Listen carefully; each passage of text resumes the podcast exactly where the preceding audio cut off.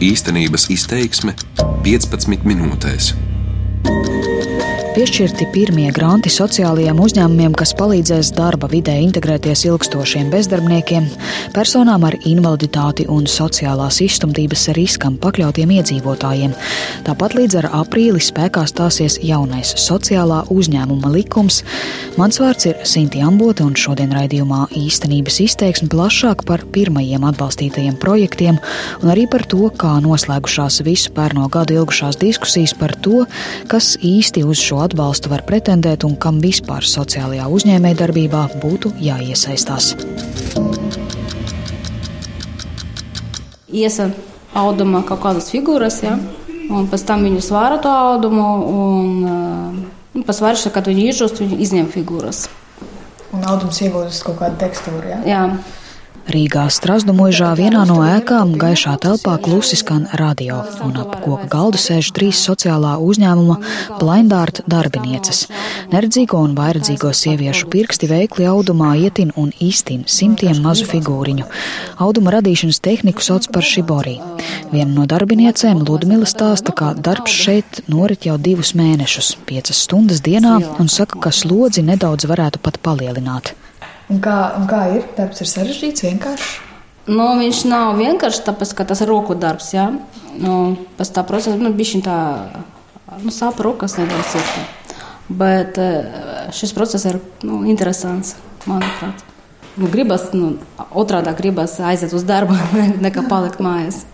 Un darbs ir radošs, jā, jo mēs varam paši izvēlēties, kā ielikt formas, kādas formas ielikt. Nu, tā var kaut ko izdomāt katru reizi jaunu. Nav tā, ka mēs darām pēc standarta. Ludmila darbu novērtē, saka, ka ir labi, ja var kaut ko darīt. Lielākā motivācija gan gluži kā jebkuram darbspējīgam iedzīvotājam ir nopelnīt naudu. Viņa arī atzīst, ka gribētu pelnīt vairāk. Ludmila ir neredzīga un darba tirgū viņas iespējas līdz šim ir bijušas tuvu nullei. Ļoti grūti atrast darbu. Kas ir tas parasti, ko uzņēmēji saka, ja jūs mēģināt atrast darbu? Kāpēc viņi nepieņem? Uh, Nu, laikam neusticas cilvēkiem, tāpēc ka nu, netic, ka neredzīgs cilvēks var pilnvērtīgi izpildīt savu darba pienākumus. Savus. Nav tā, ka viņi pat nu, iedod kaut vai iespēju pamēģināt, vai nav tā? Un kāda ir jūsu pieredze personīgi? Nu, man nebija tādas iespējas, jā. man nedēļa iespēju pamēģināt. Jā. Вот, например, вот этот, вот этот, что я начала, фрагмент, Я пытаюсь его сделать из квадратных прямоугольных фигурок в шахматном порядке. Vēl viena kundze Līja rāda, kā pati maina auduma rakstu tā, lai tas līdzinātos šaha galda rakstam. Viņa senāk strādājusi skolā, pasniegusi ētiku, bet redzi pilnībā zaudējusi pērnu un saka, ka darba vieta nākus tieši laikā, jo tagad viņa spiest pielāgoties rutīnai un katru dienu iet ārā un apgūt pilsētvidi bez acu gaismas.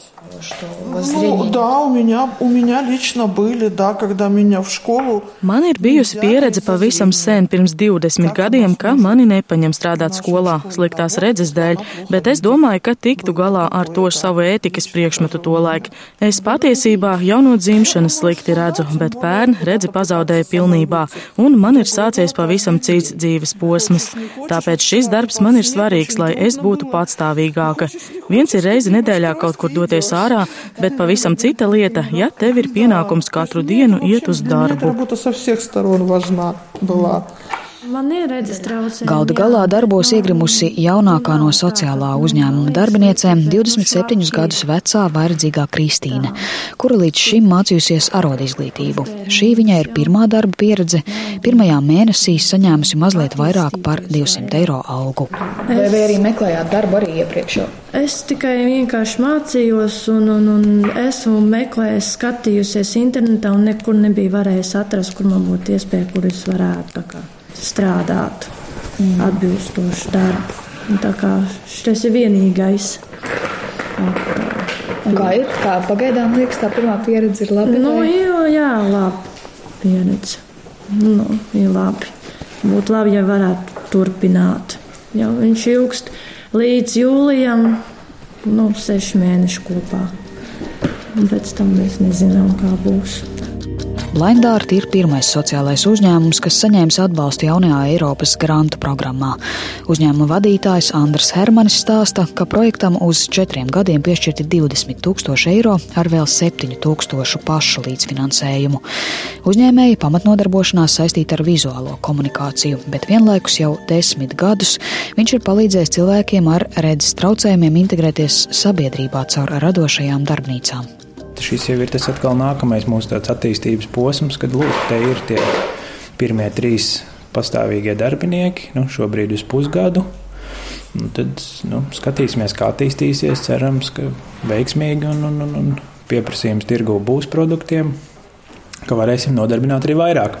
Protams, ka tam ir potenciāls, jo te jau redzams, ir arī konkrēts taustāms rezultāts, un tas ir pārsteidzošs rezultāts. Nav tāds, ka vienkārši tur nu, kaut kas subsidēts un darīt darīšanas pēc, bet tas ir tiešām konkrēti spējīgs rezultātā produkts, inovatīvs, un, un, un tās ir tās rokas, kas arī to ir radījušas. Un tas ir spilgts piemērs tam, ka nu, tās rokas ir. Un tajā pat laikā, nu, ja, ja runā par to trūkumu, tad bieži vien jau neaizdomājās par to, ka varbūt tās ir vērts paskatīties kaut kādā brīdī ar cil, nu, iesaistīt cilvēkus ar īpašām vajadzībām vai kaut kādas konkrētas mērķu grupas vai riska grupas. Nezinu.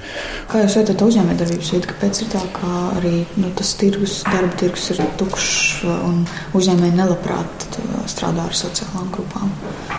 Tāpēc, ka tas ir, um, es pieļauju, sarežģītāk sarežģītāk, laikietilpīgāk, lielāk, vairāk risku ir. Nu, teiksim, neparedzamās lietas, plus arī tas, ka, protams, nav pieredzes iepriekšējās, nu, kaut kādas varbūt izpratnes un tā.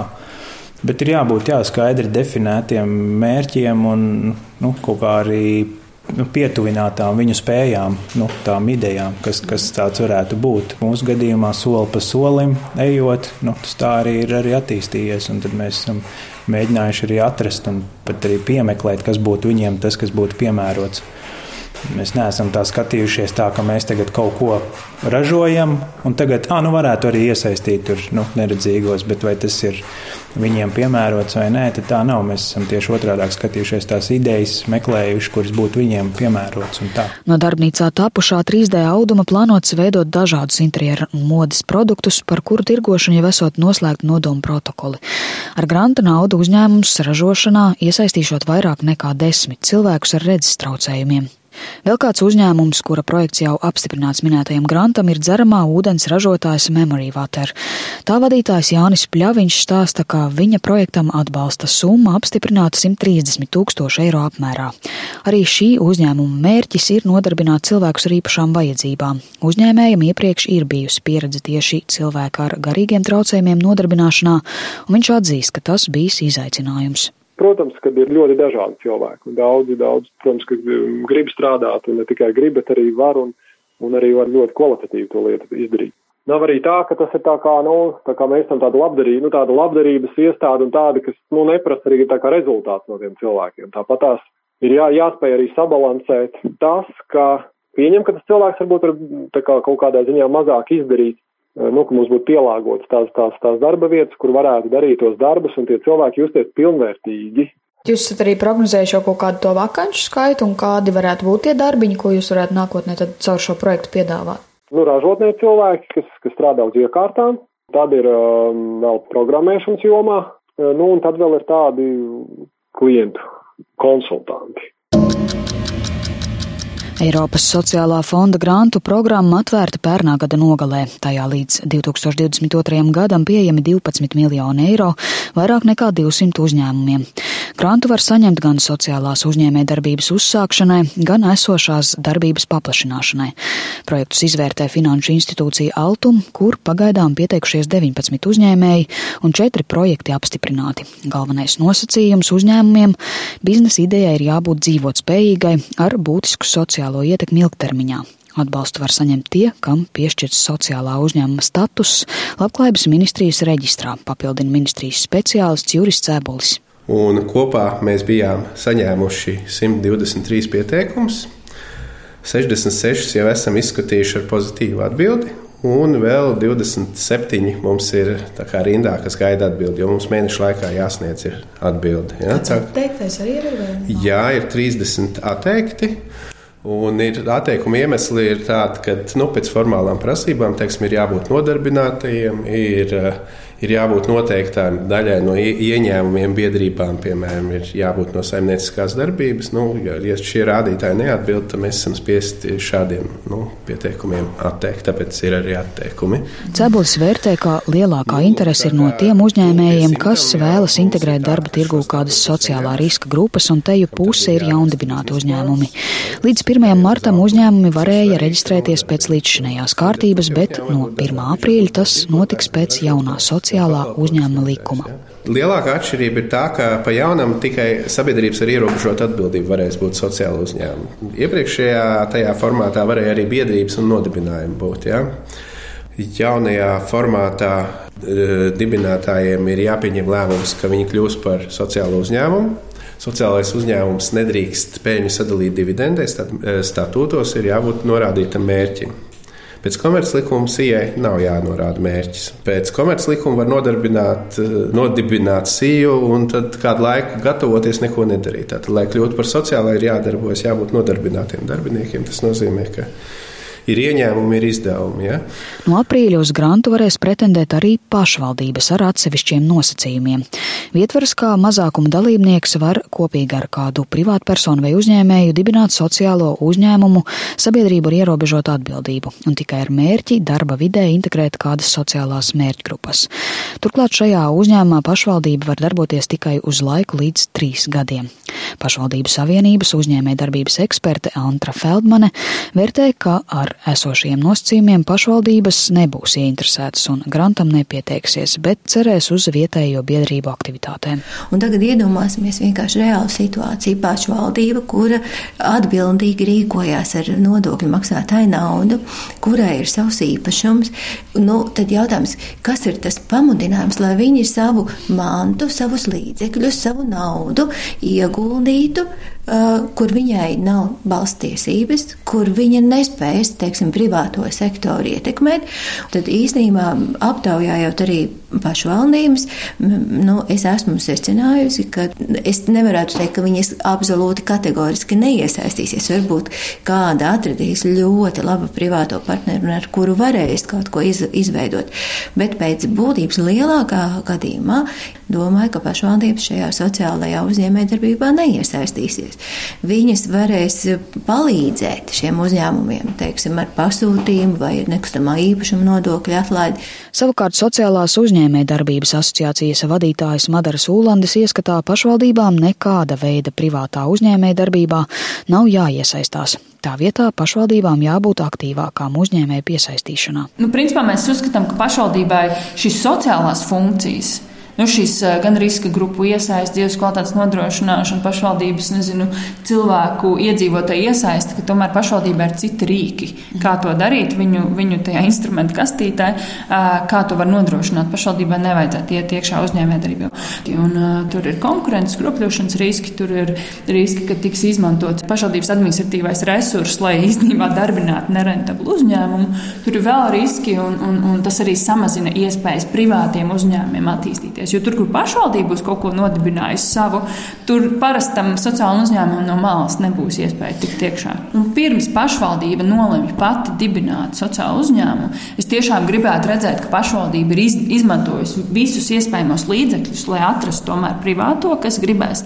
Šobrīd sociālajā uzņēmējdarbībā lielāks ir pakalpojumu sektors nekā, piemēram, ražošanas sektors. Salīdzinoši maz ir darba integrācijas uzņēmumu, kurus vairāk ļaus attīstīt tieši minētā Eiropas fonda programma, kas ir lielākais atbalsts, kāds vispār Latvijā bijis šai jomai. Holanda vērtē, ka jaunā granta tā dēvētais konkursa siets ir sarežģīts un daudzas sociālo uzņēmumu biznesa idejas tagad krietni jāpārdomā īstā biznesa līmenī. Nu, no mūsu asociācijas puses mēs sakām, ka, ka nu, nevajag skriet pēc tās naudas, ja tu nezini, ko tur viņi darīs. Tā ir uzņēmējdarbības atbalsta nauda. Mēs vairs nerunājam vienkārši par grantu, kuru tu saņem, lai izdalītu kaut kādām mērķa grupām vai darītu labas lietas. Mēs runājam par uzņēmējdarbības attīstības finansējumu. Un tā ir jauna nozara Latvijā. Šie sociāli uzņēmumi nav daudz. Mēs runājam par kopumā, nu, iespējams, par līdz 200 uzņēmumiem. Un tieši jaunais likums parādīs īstenībā, cik tad viņi, cik tad viņi ir. Par labskaņu rūpējās Kaspars Groskops, raidījumu veidoja Sintīja Ambote. Darbības vārds īstenības izteiksmē izsaka darbību kā realitāti. Tagatnē, pagātnē vai nākotnē, vai arī to noliedz.